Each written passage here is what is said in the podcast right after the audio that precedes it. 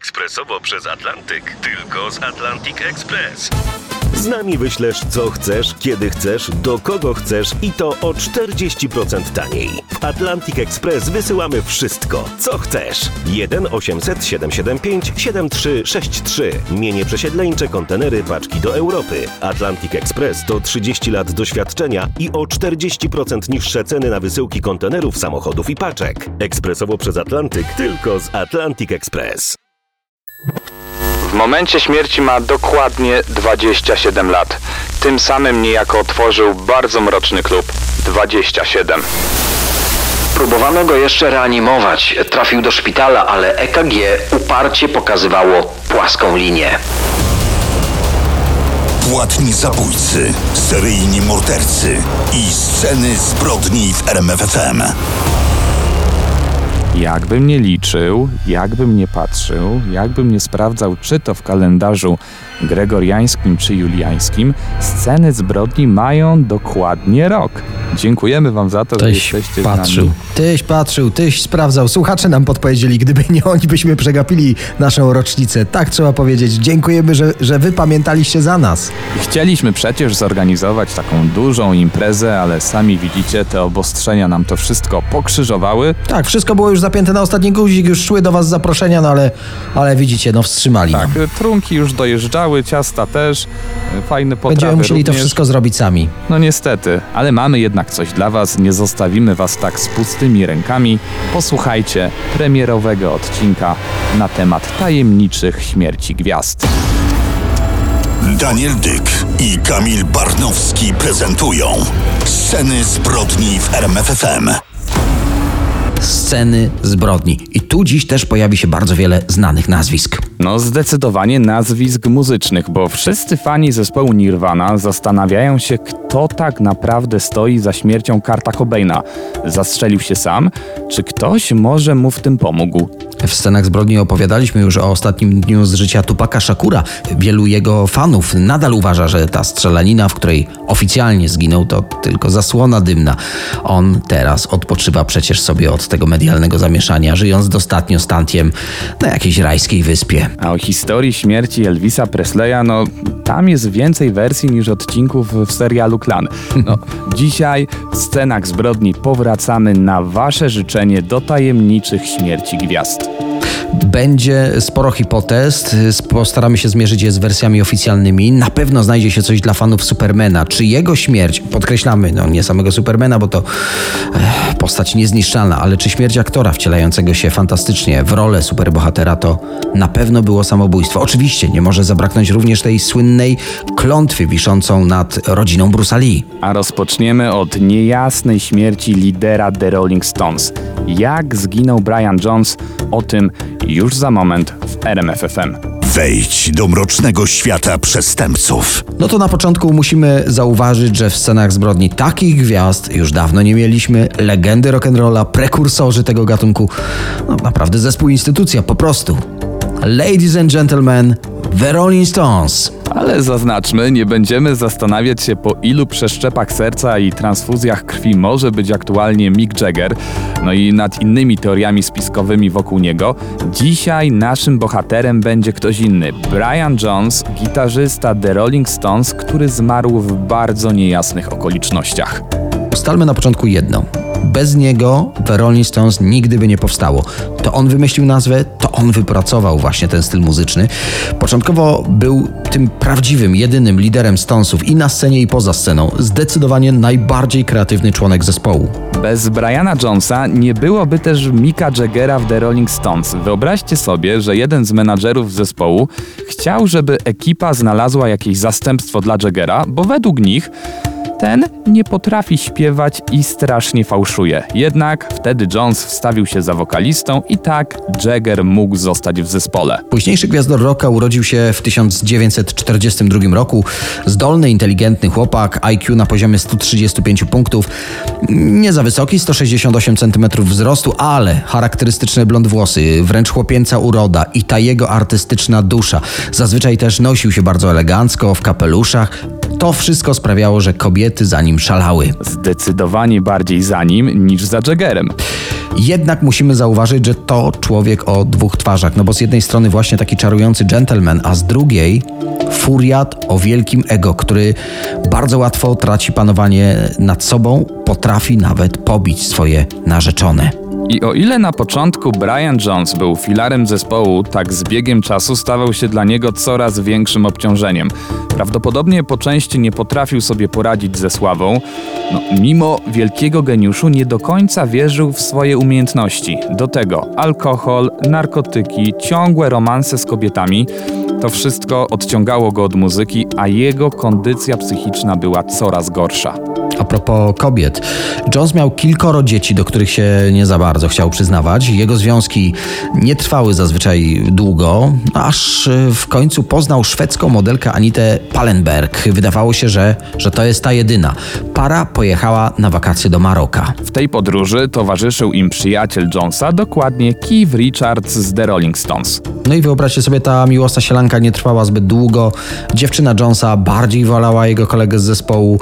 Keith Richards uciekł z Anitą z Maroka, zostawiając swojego przyjaciela dosłownie na lodzie. To kompletnie go załamało. Jego narkotykowe ciągi były coraz dłuższe, problemy z prawem coraz większe, a rola w zespole coraz mniejsza.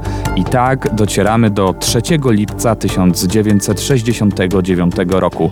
Brian Jones, twórca The Rolling Stones, został znaleziony martwy na dnie swojego basenu. W momencie śmierci ma dokładnie 27 lat. Tym samym niejako otworzył bardzo mroczny klub 27. Ale jak doszło do tej tragedii? Nieszczęśliwy wypadek, czy może w śmierć multiinstrumentalisty zamieszane są jakieś inne osoby? O tym już za chwilę w scenach zbrodni w RMFFM. Dzisiaj tajemnicze zgony najbardziej znanych osób y, na świecie. Wracamy do śmierci jednego z liderów Rolling Stones. Około północy, w nocy z 2 na 3 lipca 1969 roku, Brian Jones utopił się w basenie na terenie swojej posiadłości. Raport koronera nie wykazał udziału osób trzecich. Odnotowano za to powiększoną wątrobę i uszkodzenie mięśnia serca. To oczywiście spowodowane nadużywaniem alkoholu i narkotyków. Według świadków w dniu śmierci muzyk pił alkohol nad basenem i brał leki nasenne. Śledczy ustalili, że śmierć Briana Jonesa to niestety nieszczęśliwy wypadek. Cały świat show biznesu w żałobie. Jim Morrison napisał dla zmarłego gitarzysty wiersz, a Jimi Hendrix w jednej z amerykańskich telewizji wykonuje specjalnie w hołdzie dla Jonesa piosenkę. Dodajmy jeszcze, że muzyk został pochowany na cmentarzu w rodzinnym Cheltenham.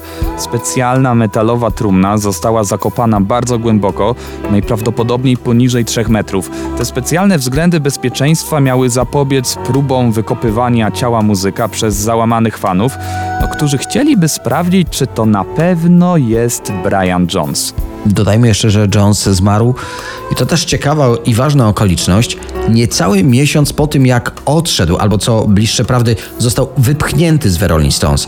W ramach rekompensaty miał dostawać co roku odszkodowanie w wysokości 100 tysięcy funtów. A teraz w scenach zbrodni czas na to, co słuchacze naszego programu lubią najbardziej. Czas na teorie, które nie zostały oficjalnie uznane za prawdziwe.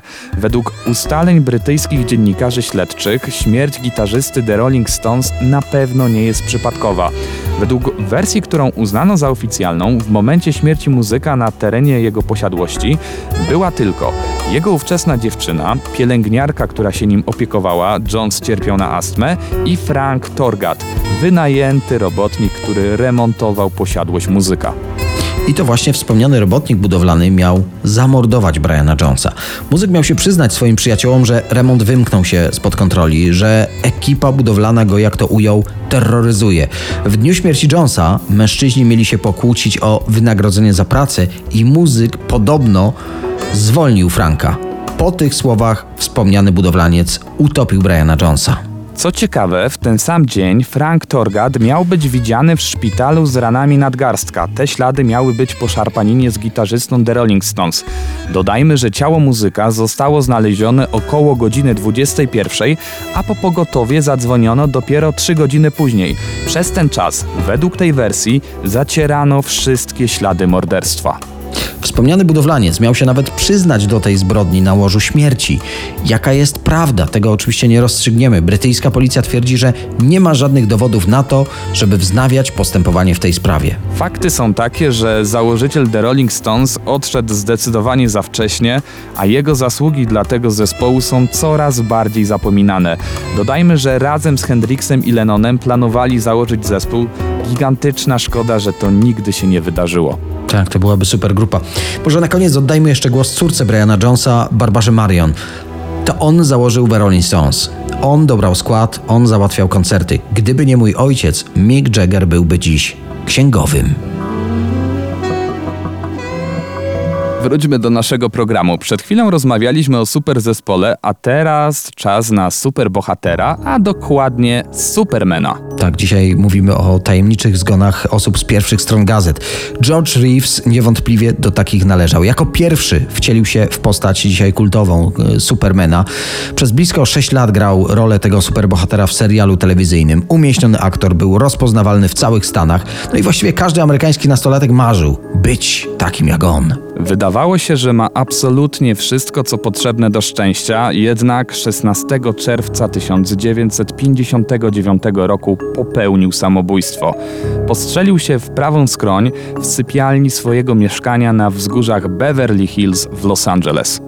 Policja bardzo szybko zamknęła śledztwo. Przyczyna śmierci aktora wydaje się oczywista. Reeves y, miał nadużywać alkoholu, a przez rolę Supermana wpadł w depresję. Mimo tego, że, że był mega gwiazdą serialu, to marzył o zupełnie innej karierze filmowej. Dodajmy, że miał na swoim koncie już poważną rolę w filmie, który chyba wszyscy znamy, Przeminęło z wiatrem. No a przez ten serial stał się aktorem jednej roli. Dla ludzi nie był George'em Reevesem, tylko był Supermanem. To jak się domyślacie utrudniało mu grę w tych innych, wymarzonych przez niego produkcjach. Ale wróćmy do jego śmierci. Wersję o samobójstwie potwierdziła też jego narzeczona Leonor Lemon, która była w mieszkaniu, gdy padł ten śmiertelny strzał. No, więcej. Na parterze domu Reevesa odbywała się wtedy mocno zakrapiana impreza. W momencie przyjazdu policji wszyscy goście byli kompletnie pijani. Uczestnicy libacji zeznali, że serialowy Superman poszedł do sypialni około północy. Był pijany, był też wściekły na swoją dziewczynę, że aż tylu gości zaprosiła i że to całe przyjęcie aż tak się przedłuża. Leonor zdążyła jeszcze zażartować, że jej wkurzony chłopak poszedł się pewnie zabić i właśnie wtedy pada strzał. Jak sami słyszycie, dość dziwny zbieg okoliczności. Dlatego mimo ustalonej wersji zdarzeń dość szybko zaczęły wypływać informacje, które mocno jej zaprzeczały. Gazety dotarły do policyjnego raportu i on wskazywał jasno, że George Reeves nie mógł postrzelić się sam. Kula trafiła go w taki sposób, że pistolet musiał być w sporej odległości od jego głowy. No, nie ma fizycznej możliwości, żeby nawet Superman tak daleko sięgał ręką. Dodatkowo na pistolecie nie znaleziono żadnych odcisków palców aktora, a na pościeli, dłoniach, na skroni nie było charakterystycznych śladów prochu. Co najbardziej zastanawiające, oprócz dziury w suficie po śmiertelnym postrzale, znaleziono też dwa inne ślady po kulach, uwaga, w podłodze. A wszyscy świadkowie zeznali przecież, że słyszeli tylko jeden strzał. Ewidentnie ktoś tutaj nie mówi całej prawdy. Matka aktora, słysząc te wszystkie spekulacje, zdecydowała się wynająć prywatnych detektywów. Ich raport zaprzeczał policyjnemu śledztwu. Znaleźli dowody na to, że w pokoju był ktoś jeszcze oprócz serialowego Supermana. Sekcja zwłok wykazała, że na ciele aktora znajdowały się liczne siniaki i zadrapania. Wszystko wskazuje na to, że serialowy Superman walczył z kimś przed śmiercią. I co najważniejsze, Reeves nie mógł trzymać pistoletu w prawej dłoni, jak twierdziła policja, bo przed śmiercią zaliczył wypadek samochodowy i tą dłonią ledwo poruszał. Śledczy nigdy nie odpowiedzieli na ten wspomniany przez ciebie raport detektywów, co tylko potwierdza, że ktoś bardzo mocno naciskał na szybkie zamknięcie tej sprawy. A był ktoś, komu mogło na tym mocno zależeć. George Reeves przez 7 lat romansował z żoną Ediego Manixa, znanego producenta filmowego. Manix był znany w towarzystwie ze swojej pracy ochronnej dla aktorów, to znaczy tuszował przed gazetami skandale obyczajowe swoich klientów, które mogłyby zaszkodzić ich wizerunkowi. Dodatkowo miał gigantyczne pieniądze, spore możliwości i jeszcze współpracował z mafią. Jednak to, co wydarzyło się dalej, pozostaje zagadką, ale najprawdopodobniej za śmiercią Supermana stoi jego kochanka Toni Mannix. Kobieta miała złamane serce po tym, jak aktor zerwał z nią i planował ślub ze wspomnianą już dzisiaj Leonor Lemin. Tommy wpadła w szał. Reeves zawdzięczał jej absolutnie wszystko: dom, samochód, a najprawdopodobniej nawet rolę serialowego Supermana. Wszystko wskazuje na to, że w przypływie złości postanowiła wykorzystać kontakty swojego męża, albo to sam mąż postanowił ulżyć cierpieniom swojej żony w typowo mafijnym stylu. George Reeves był idolem Ameryki i mimo tego, że policyjne śledztwo zostało zakończone ponad 50 lat temu, to nadal nikt nie wierzy w samobójstwo Supermana. Przecież od niego zawsze odbijały się wszystkie kule.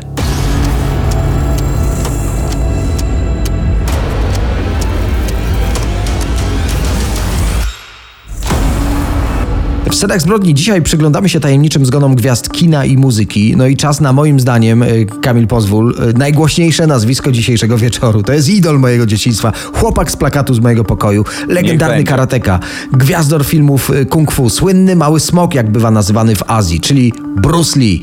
Jego śmierć owiana została legendą.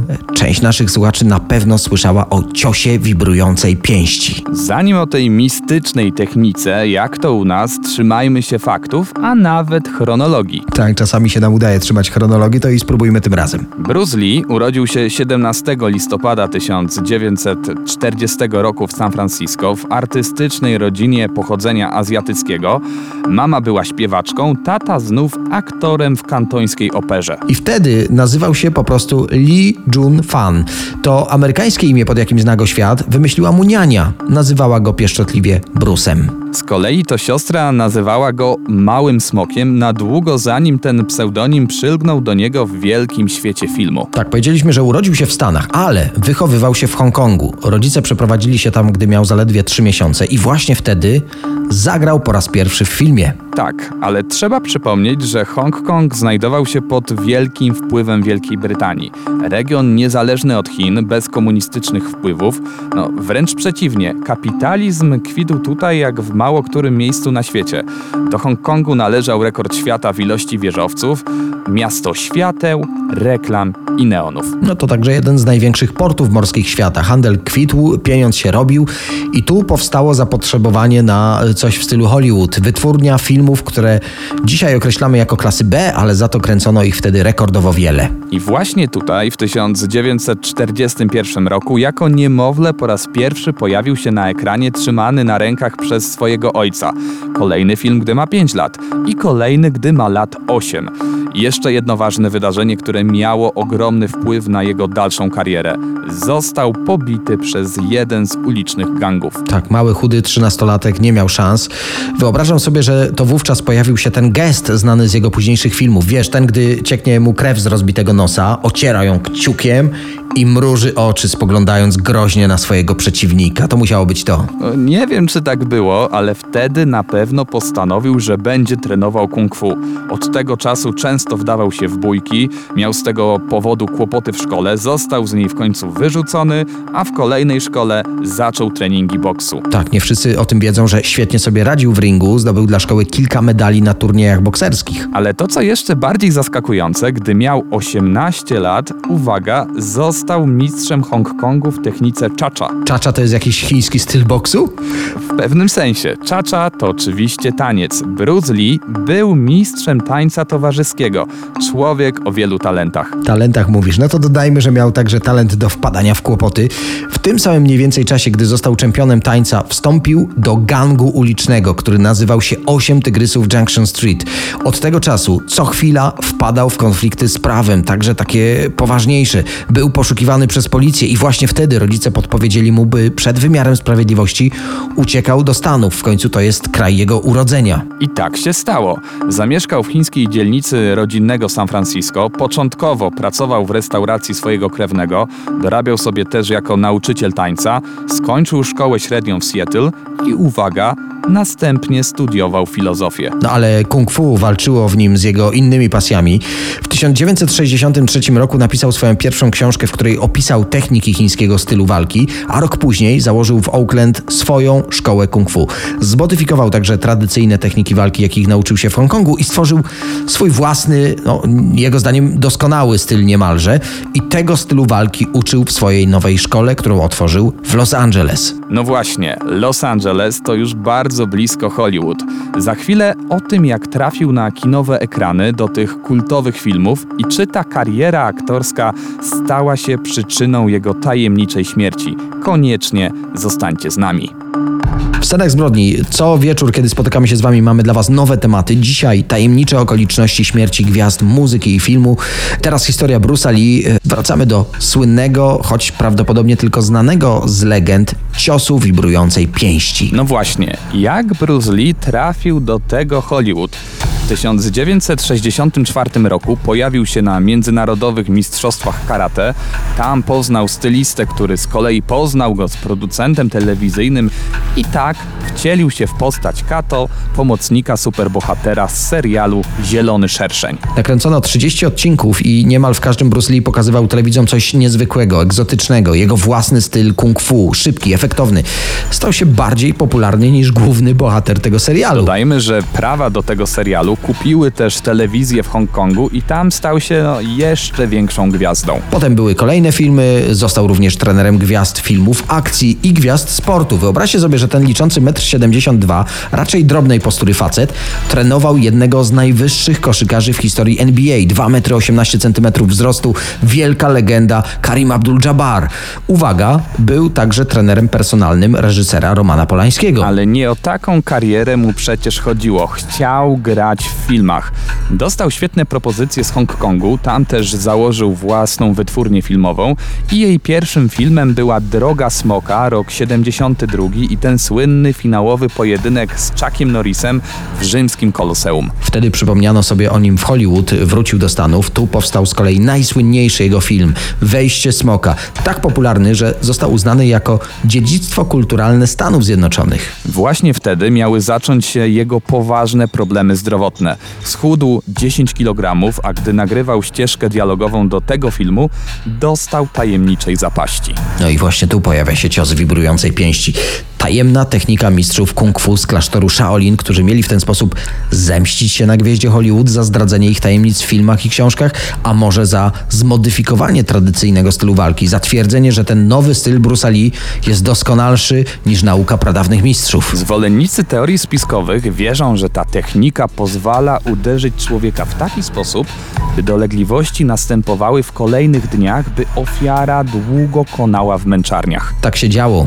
Umierał w mękach, choć lekarze twierdzą, że to obrzęk mózgu zabił legendę. Podobno Bruce Lee od dziecka miał problemy z intensywną potliwością. Łatwo się odwadniał. Maj 73 roku był gorący, a w studiu, w którym nagrywał dialogi do filmu Wejście Smoka, wyłączono klimatyzację. Na planie miała być absolutna cisza. Pół godziny w takich warunkach i Bruce'a Lee dopadły duszności i mocny ból głowy. Zażył narkotyki, by odzyskać formę, jednak no nie pomogło. Tak, nepalski haszysz nie sprawdził się jako lekarstwo. Aktor padł jak kłoda, twarzą uderzając o podłogę studia. Po dłuższej chwili doszedł do siebie, wrócił do studia, no i wówczas dostał napadu padaczki. Ledwo oddychał, wymiotował. W szpitalu neurochirurg nie miał wątpliwości. Obrzęk mózgu wskutek udaru cieplnego. Kolejny taki atak nastąpił dwa miesiące później. I tak docieramy do jednego z najcieplejszych dni lipca. Ponad 30 stopni, Bruce grał cały dzień w gorącym studiu filmowym, a gdy zrobiono przerwę, skoczył na chwilę do mieszkania znajomej aktorki, by u niej odpocząć. Ale poczuł się źle i jak twierdzi kobieta, około 19.30 zażył aspirynę i zasnął. Dwie godziny później próbowano go obudzić, ale nie reagował. 20 lipca 1973 roku około 22 wezwano karetkę, która stwierdziła jego zgon. Próbowano go jeszcze reanimować, trafił do szpitala, ale EKG uparcie pokazywało płaską linię. W akcie zgonu lekarz napisał: Czaszka nie nosi śladów pęknięcia czy zranienia, ani świeżych, ani dawnych. Nie ma żadnych świeżych, ani dawnych śladów ukłuć. Bezpośrednią przyczyną śmierci były zator oraz obrzęk mózgu. Ostatecznie spowodowały niewydolność ośrodków sercowych w mózgu i zatrzymanie akcji serca. A jednak nie było oficjalnego komunikatu w sprawie przyczyn śmierci Brusali. Właśnie dlatego brukowce sięgały do plotek. W gazetach zaczęły krążyć historie o przedawkowaniu narkotyków, o zemście dawnych kolegów z gangu, o zamachu konkurencji z triady, o ciemnych interesach, w które miał się wplątać, no i właśnie ta najsłynniejsza o mnichach z klasztoru Shaolin, którzy mieli mu ukradkiem wymierzyć cios wibrującej pięści. Dodajmy, że Bruce Lee został pochowany na cmentarzu w Seattle.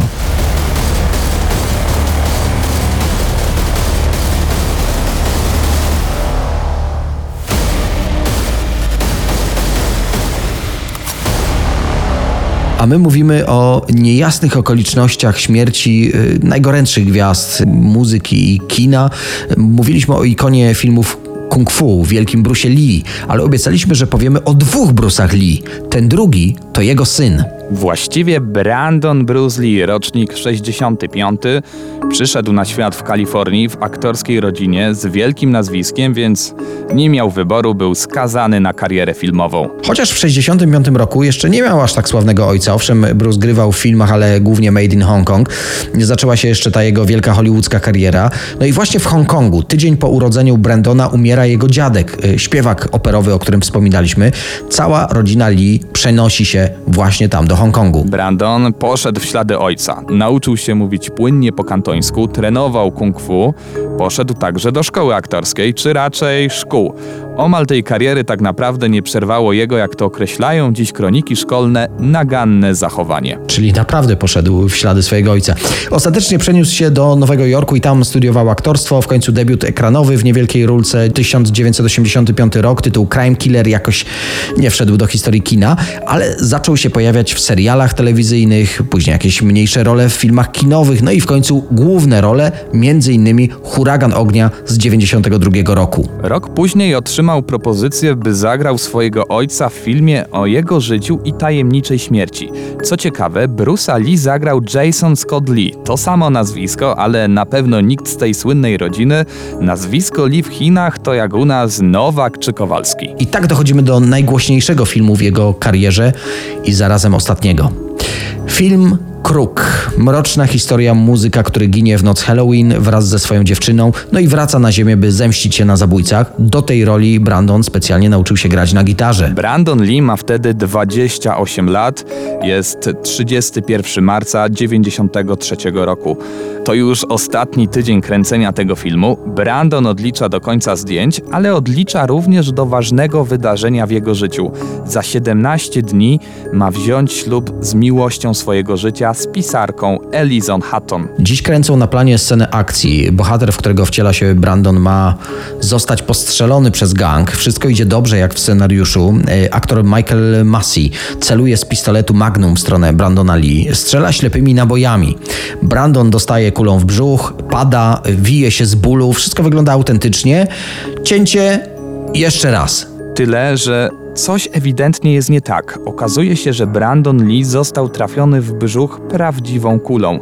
Trwa walka o jego życie. Niestety lekarzom nie udaje się go uratować. Czy to tragiczny wypadek, czy może ktoś celowo podmienił kulę w tym rewolwerze? No i wróciły plotki o zemście nad Bruce'em Lee. Czy ktoś postanowiłby i syn odpowiadał za przewiny ojca? O tym już za moment.